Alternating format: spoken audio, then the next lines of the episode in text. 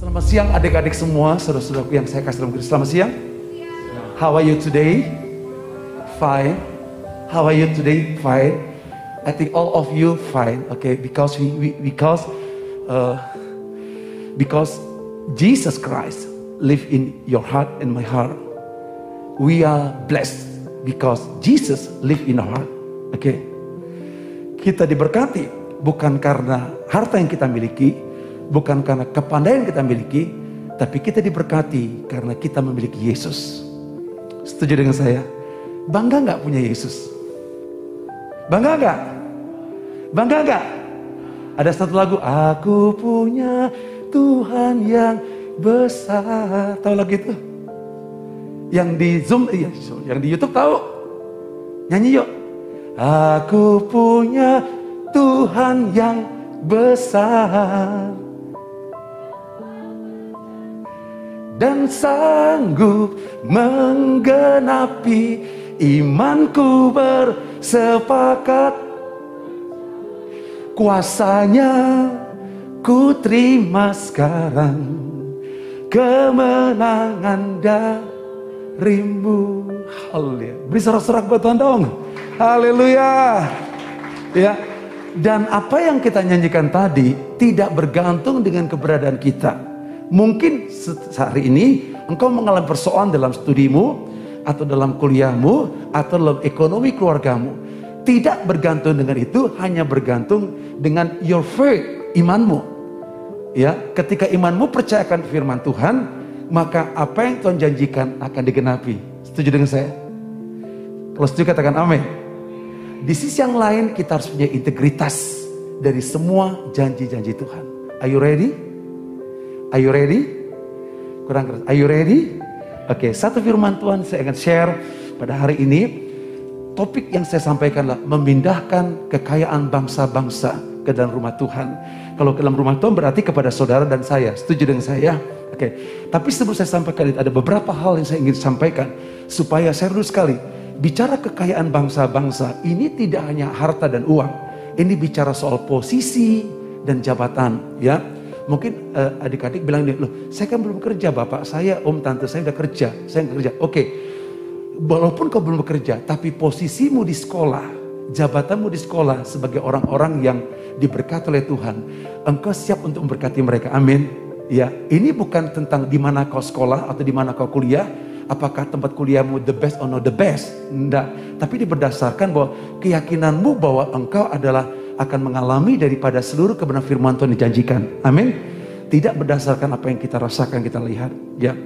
Sehingga nanti seru sekali tujuannya adalah supaya bangsa-bangsa datang menyembah kepada Tuhan. Satu firman Tuhan dari Yesaya pasal 60. Kalau bawa Alkitab bisa buka Alkitab. Kalau nggak ada kita ada di tab saudara atau di HP saudara saya buka. Tapi saya berharap ayat ini dicatat. Katakan bersama saya, dica, kurang keras, dica. Ya karena kita sering lupa ya. Di sekolah sering nyatat nggak? Nggak pernah fotokopian banyak. Ya, pasti mencatat juga ya. Yuk, mari kita lihat firman Tuhan dari Yesaya pasal 60. Yesaya 60 ya, ayat yang pertama ya, Yesaya 60 ayat yang pertama sampai ayat yang kelima. Kalau sudah dapat bilang amin ya. Oke. Okay. Yesaya 60 ayat yang pertama sampai ayat yang ke lima. Yuk dengan suara yang keras kita baca Alkitab ya. Yuk satu dua tiga. Bangkitlah menjadi teranglah sebab terangmu datang dan kemuliaan Tuhan terbit atasmu. Ayat dua. Sebab sesungguhnya kegelapan menutupi bumi dan kekelaman menutupi bangsa-bangsa. Tetapi terang Tuhan terbit atasmu dan kemuliaannya menjadi nyata atasmu. Ayat tiga bangsa-bangsa berduyun-duyun datang kepada terangmu dan raja-raja kepada cahaya yang terbit bagimu. Angkat ayat 4, 1, 2, 3. Angkatlah mukamu dan lihatlah ke sekeliling. Mereka semua datang berhimpun kepadamu. Anak-anakmu laki-laki datang dari jauh. Dan anak-anakmu perempuan digendong. Ayat 5 yang lebih keras. 1, 2, 3. Pada waktu itu engkau akan heran dan melihat dan berseri-seri. Engkau akan tercengang dan berbesar hati Sebab kelimpahan dari seberang laut akan beralih kepadamu dan kekayaan bangsa-bangsa akan datang kepadamu. Janji ini ditujukan kepada bangsa Israel. Tapi saya punya keyakinan bahwa janji yang sama diberikan kepada gereja Tuhan. Kalau setuju katakan amin. Secara spesial diberikan kepada engkau yang percaya bahwa Yesus Tuhan. Katakan, dipercayakan, diberikan itu kepada kita, kepada saya, katakan kepada saya. Juga yang ada di YouTube diberikan kepada saya. Jadi Tuhan bilang gini, ya, bangkitlah menjadi teranglah.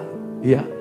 Ada satu mindset yang harus diubah dari gereja Tuhan secara khusus saya tentang uang dan harta. Haleluya. Ya.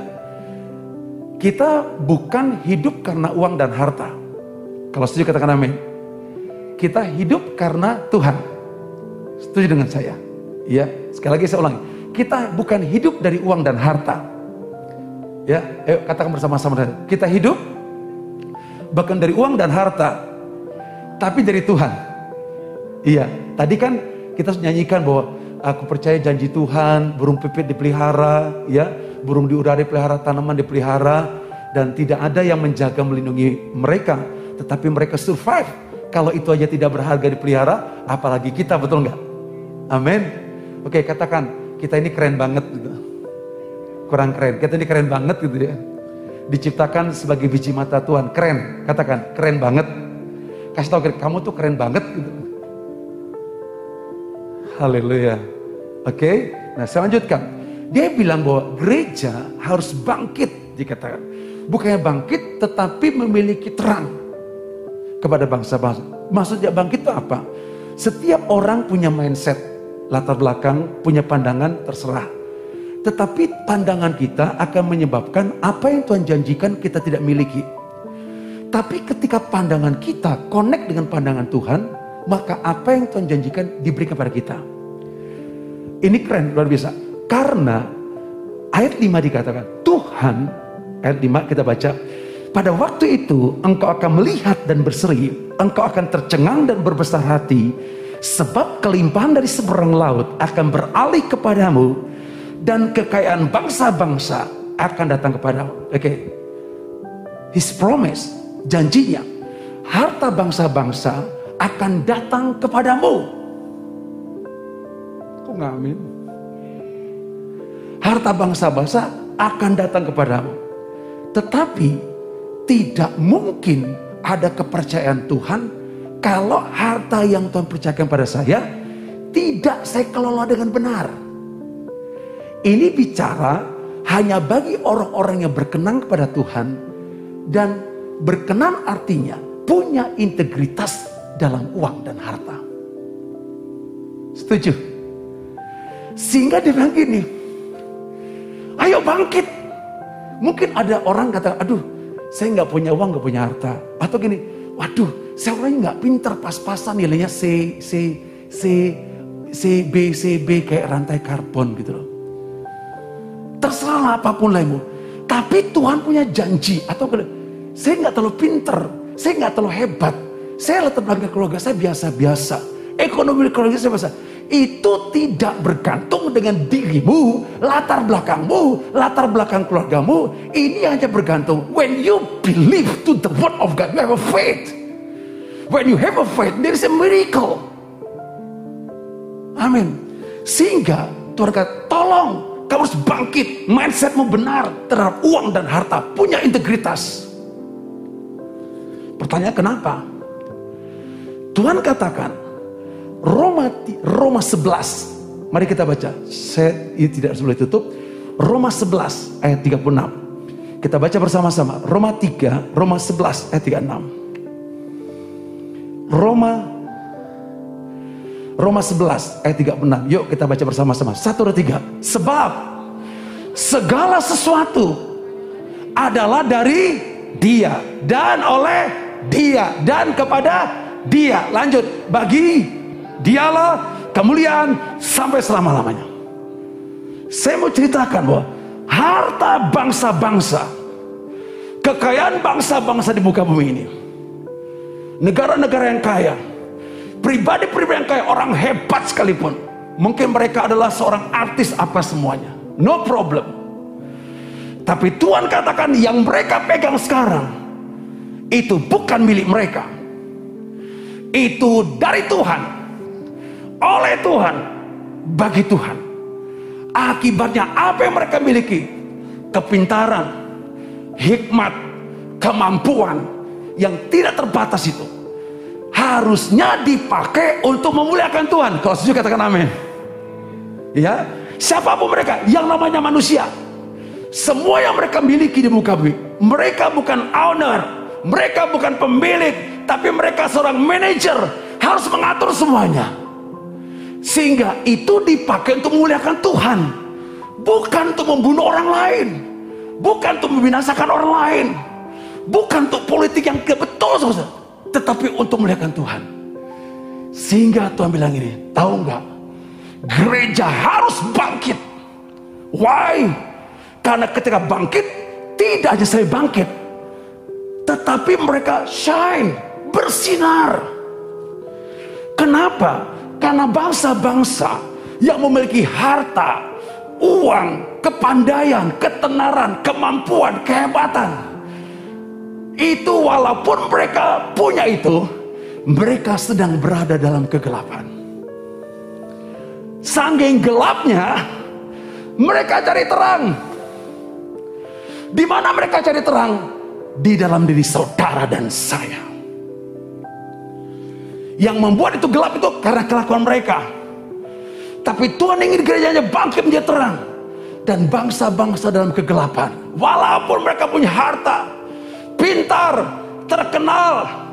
Hebat mereka dalam dunia perfilman. Ada dalam dunia apa akting dan sebagainya.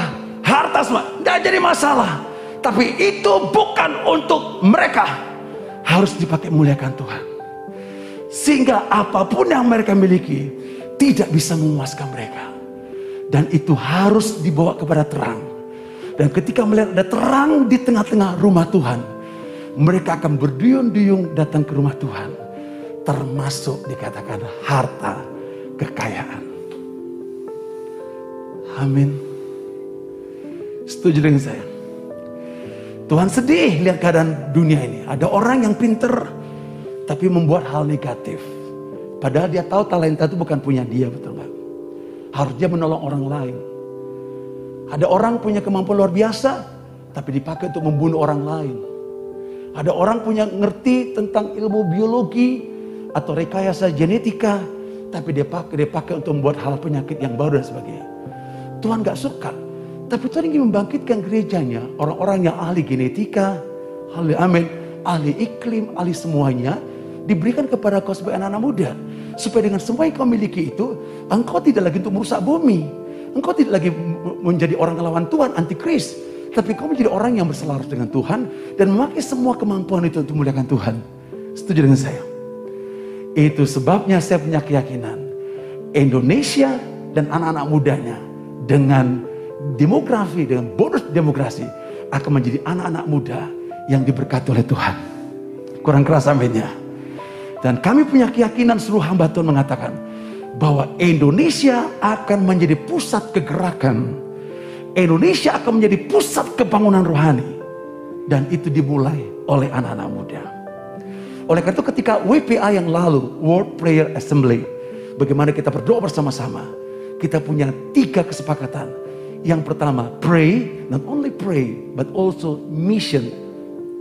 Yang terakhir, intergeneration anak-anak muda dibangkitkan. Dan engkau menjadi orang-orang yang akan menerima tampuk anugerah itu daripada Tuhan untuk menyatakan kemuliaan Tuhan. Selanjutnya, bicara harta kekayaan, ini tidak bicara tentang uang dan harta saja. Tapi ini bicara soal posisi jabatan dalam kau bekerja, berbisnis. Ini bicara soal posisi jabatan di mana kuliahmu, sekolahmu, di mana engkau memiliki nilai yang oke, okay, ya, di mana kau memiliki kemampuan berorganisasi, kemampuan dirimu untuk boleh menolong orang lain, dan kreativitas yang kau miliki itu menurut saya adalah kekayaan. Kalau setuju katakan amin. Sehingga engkau menjadi orang-orang yang sukses.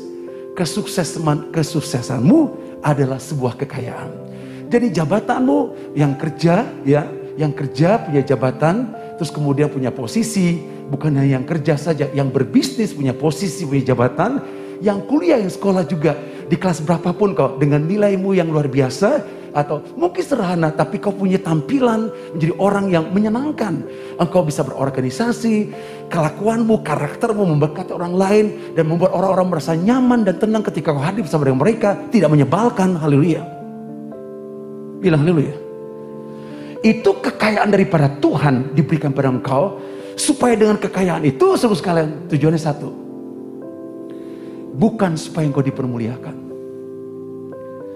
Bukan engkau menjadi punya dihargai orang lain. Bukan supaya kau dianggap hebat. Tapi itu dipakai untuk memuliakan Tuhan. Makanya berkali-kali saya katakan cari dulu kerajaan Allah dan kebenarannya.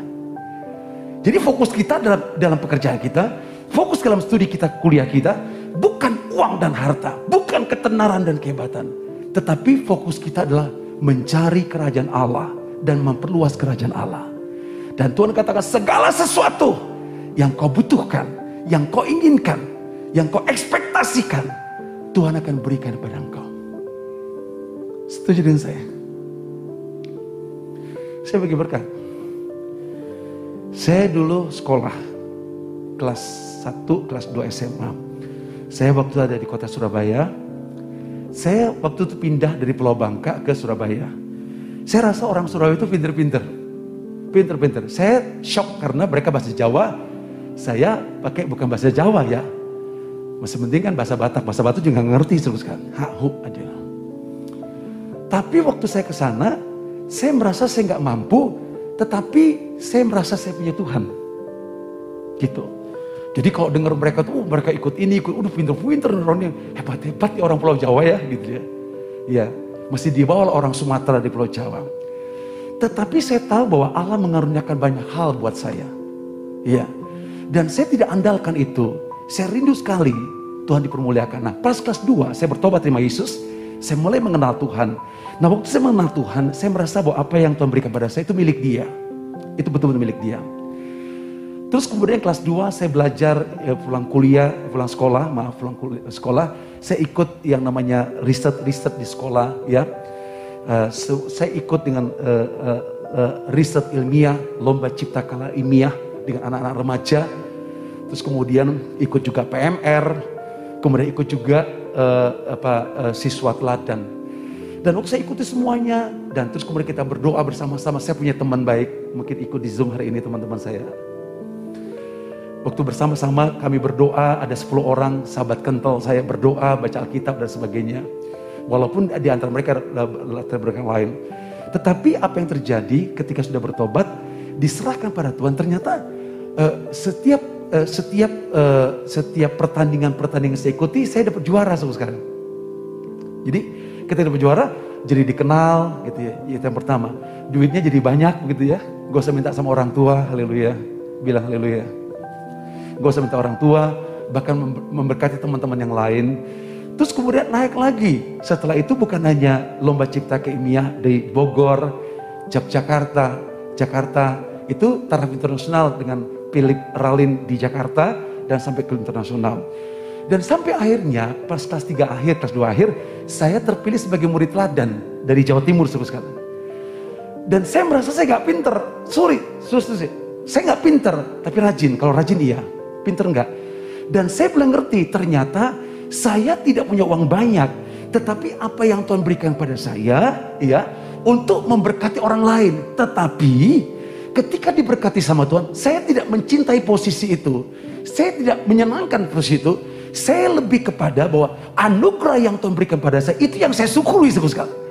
Dan akibat yang paling terakhir sekali, akibat paling terakhir, karena punya integritas, maka Tuhan akan percayakan hal yang besar lagi.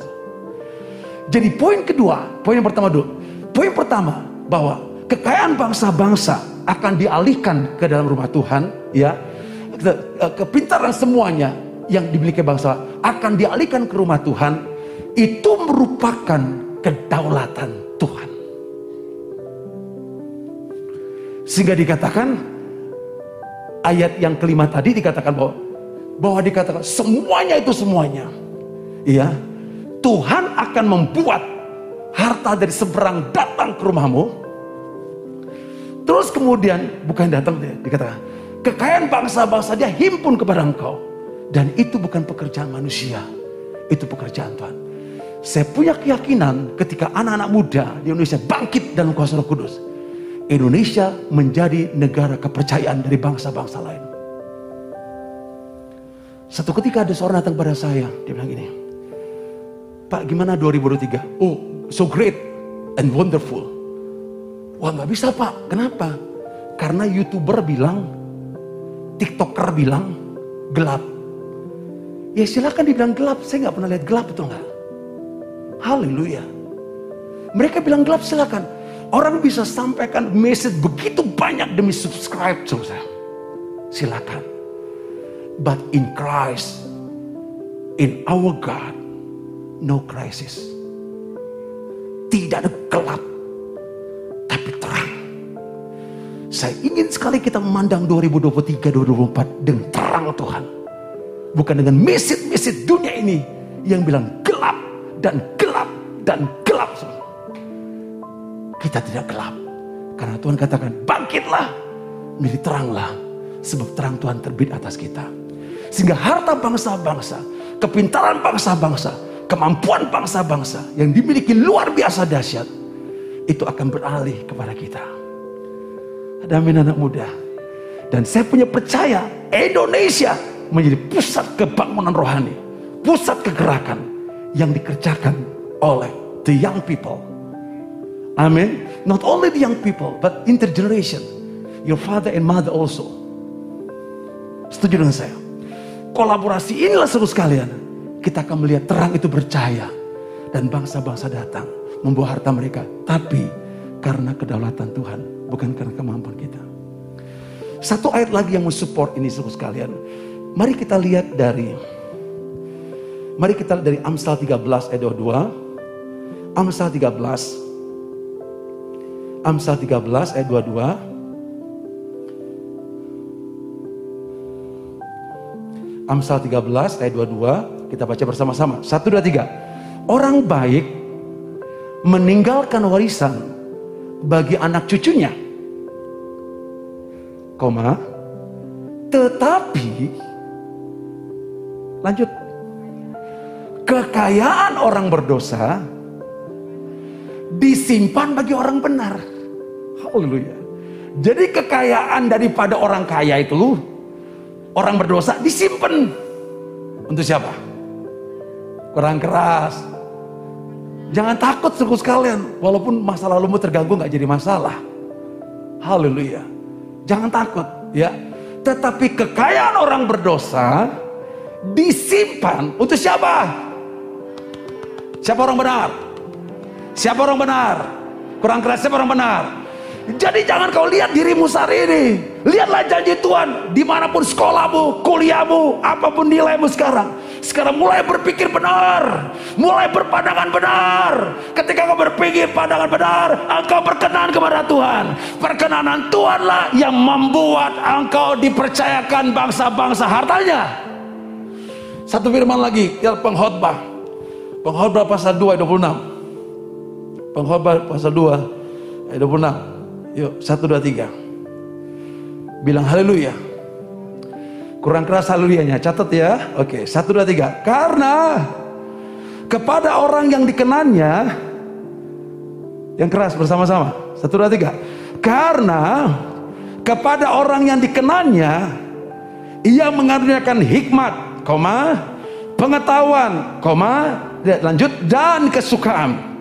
Tetapi orang berdosa Dikasih tugas, dikasih job. Jobnya apa? Tetapi orang berdosa ditugaskannya untuk menghimpun dan menimbun sesuatu yang kemudian harus diberikan kepada orang yang haleluya. Silakan mereka menimbun. Tapi nggak boleh menimbun solar ya, BBM, pelanggaran. Mereka timbun semua harta, mereka bilang kaya, masa depan luar biasa. Tapi Tuhan katakan, mereka ditugaskan oleh Tuhan untuk menghimpun, menimbun sesuatu yang kemudian harus diberikan kepada orang yang dikenan Allah. Jadi engkau young people, anak-anak muda, ketika kau membangun hidupmu dengan integritas, maka akan ada yang namanya perkenanan Tuhan buat engkau. Makanya yang kuliah, yang sekolah, yang bekerja, lakukanlah bukan untuk manusia, bukan untuk orang tuamu, tapi untuk Tuhan Allah semesta alam. Maka dari Tuhanlah akan memberikan upah kepada engkau. Nah salah satu upahnya itulah harta bangsa-bangsa, kejayaan bangsa-bangsa diberikan kepada engkau. Dan dia katakan dengan tegas, karena kepada orang dikenannya yang mengaruniakan hikmat, pengetahuan, dan kesukaan. Tapi orang yang berdosa ditugaskannya untuk menghimpun dan menimbun sesuatu yang kemudian harus diberikan kepada orang yang dikenalnya. Jadi oleh karena kedaulatan Tuhan, harta bangsa-bangsa, kekayaan bangsa-bangsa, kepintaran bangsa-bangsa, kemampuan bangsa-bangsa, keahlian bangsa-bangsa akan beralih kepada gereja Tuhan karena mereka sedang dikuasai oleh kegelapan. Karena ternyata apa yang mereka miliki tidak pernah bisa memuaskan mereka. Hanya Tuhan bisa memuaskan mereka. Dan di tengah-tengah kita, bersama kita, ada Tuhan Allah semesta alam. Ada amin suku sekalian. Satu firman Tuhan lagi dari keluaran. Keluaran pasal yang ketiga. Keluaran pasal yang ketiga.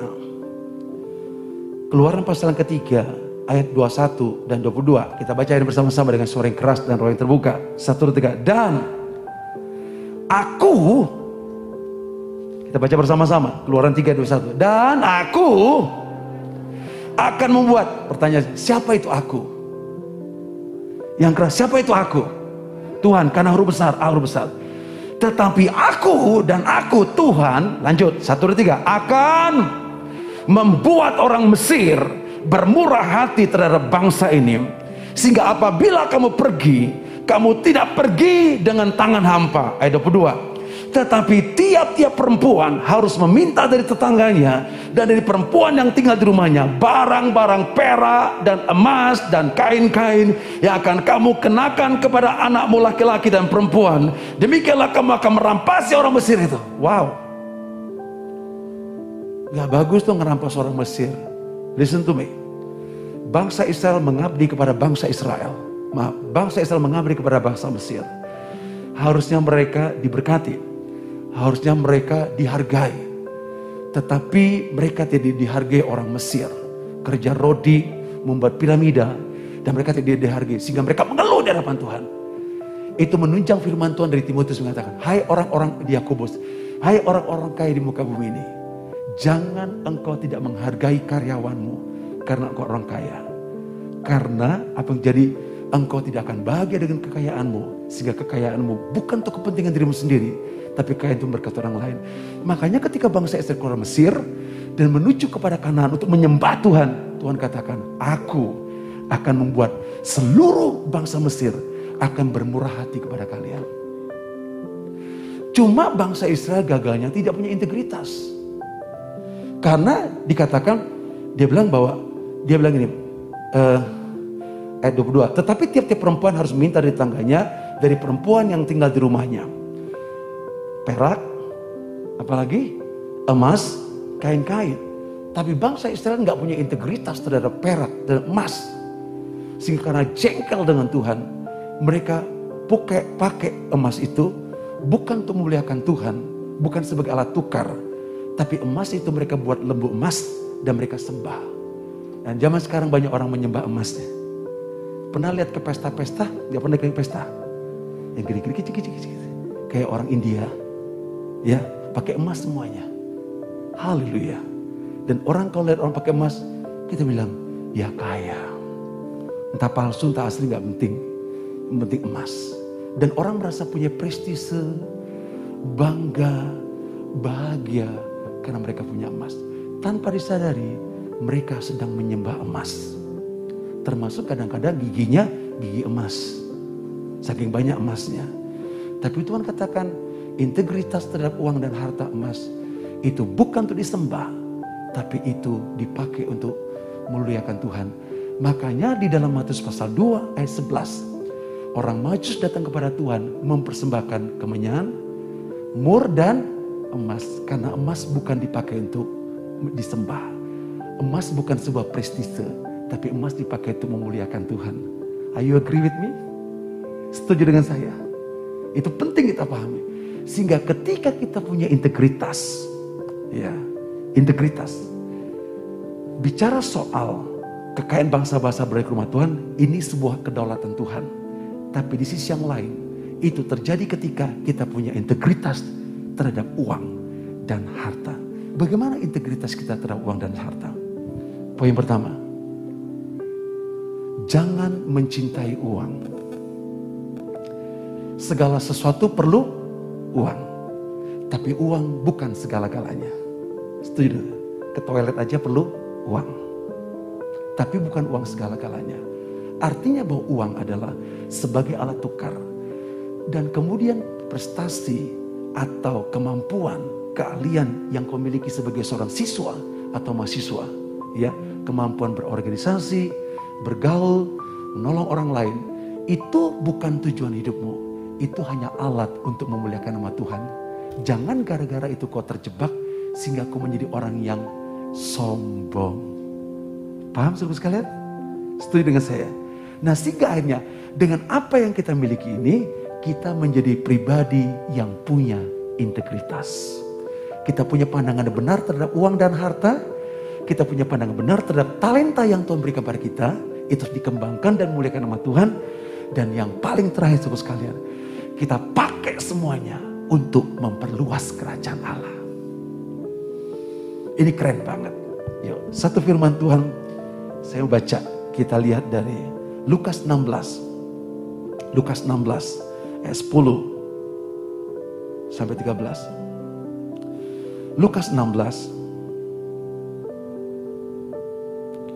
ayat 10 sampai 13. Kita baca bersama-sama dengan suara yang keras dan terbuka. Satu, dua, tiga. Barang siapa setia dalam perkara-perkara kecil, ia setia juga dalam perkara-perkara besar.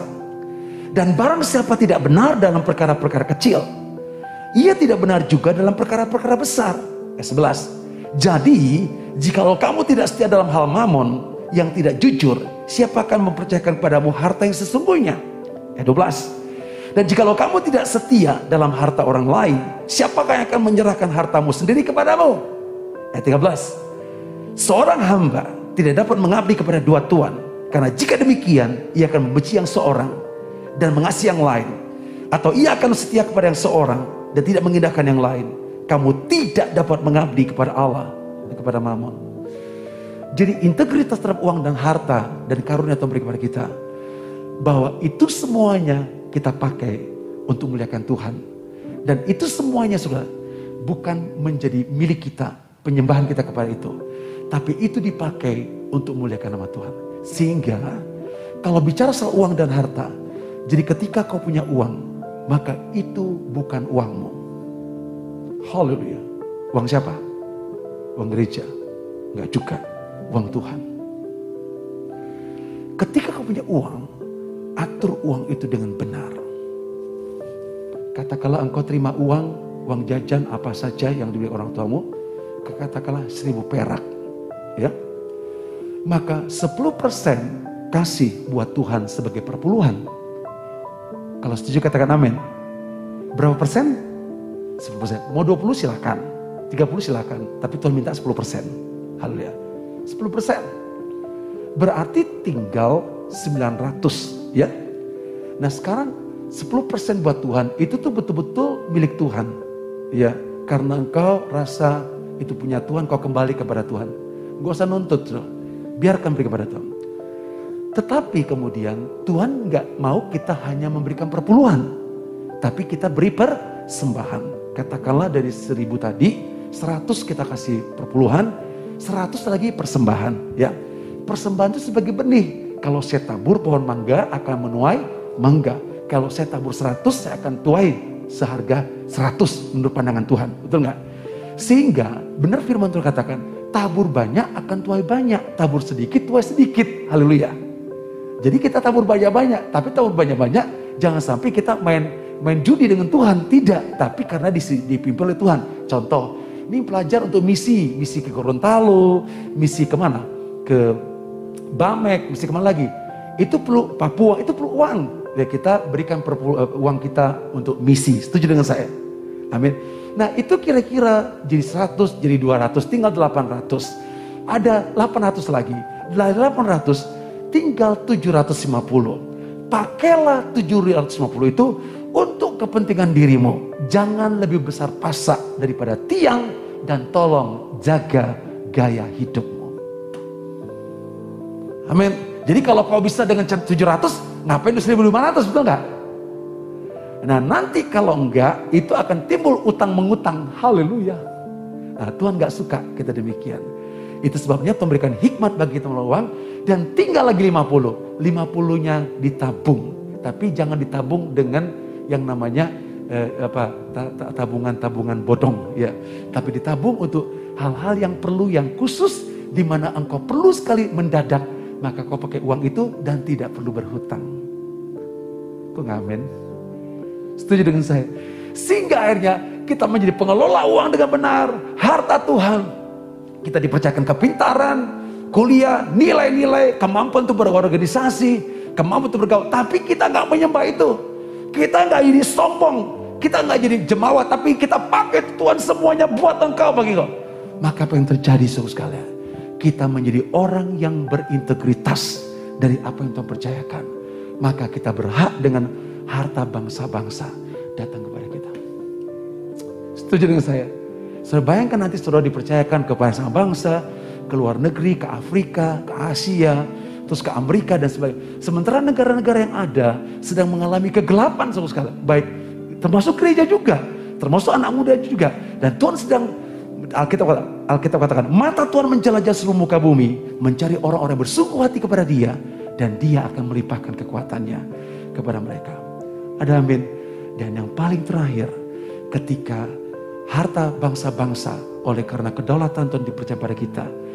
Dan dipercayakan ketika kita punya integritas terhadap uang dan harta. Yang paling terakhir, hidup kita diberkati oleh Tuhan. Berlimpah-limpah.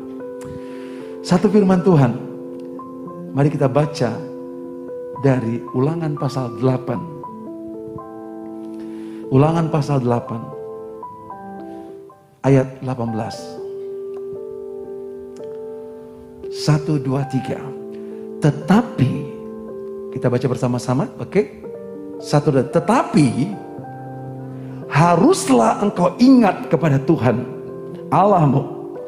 Sebab dialah yang memberikan kepadamu kekuatan untuk memperoleh kekayaan. Dengan maksud meneguhkan perjanjian dan ikrarkannya dengan sumpah nenek kepada nenek moyangmu seperti sekarang ini. Yang paling terakhir, ketika kita punya integritas dan harta bangsa-bangsa datang ke rumah Tuhan, janji Tuhan, aku yang memberikan kepada kamu kekuatan untuk memperoleh kekayaan. Aku memberikan kekuatan bagi kamu dalam bekerja, berbisnis dalam sekolah, SMP, SMA, perguruan tinggi, dan naik ke tempat lebih tinggi lagi levelnya. Aku yang memberikan kekuatan buat kamu.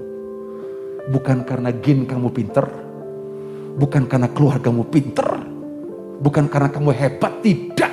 Bukan karena orang tuamu kaya, tidak. Hanya semata-mata Tuhan yang mengerjakan. Rekan-rekan yang dari Papua, I believe God Jesus will bless you all. Amen. Amen. Don't worry about you. I think and I believe that Jesus will bless you. Rise up, all the young people from Papua. God will bless you.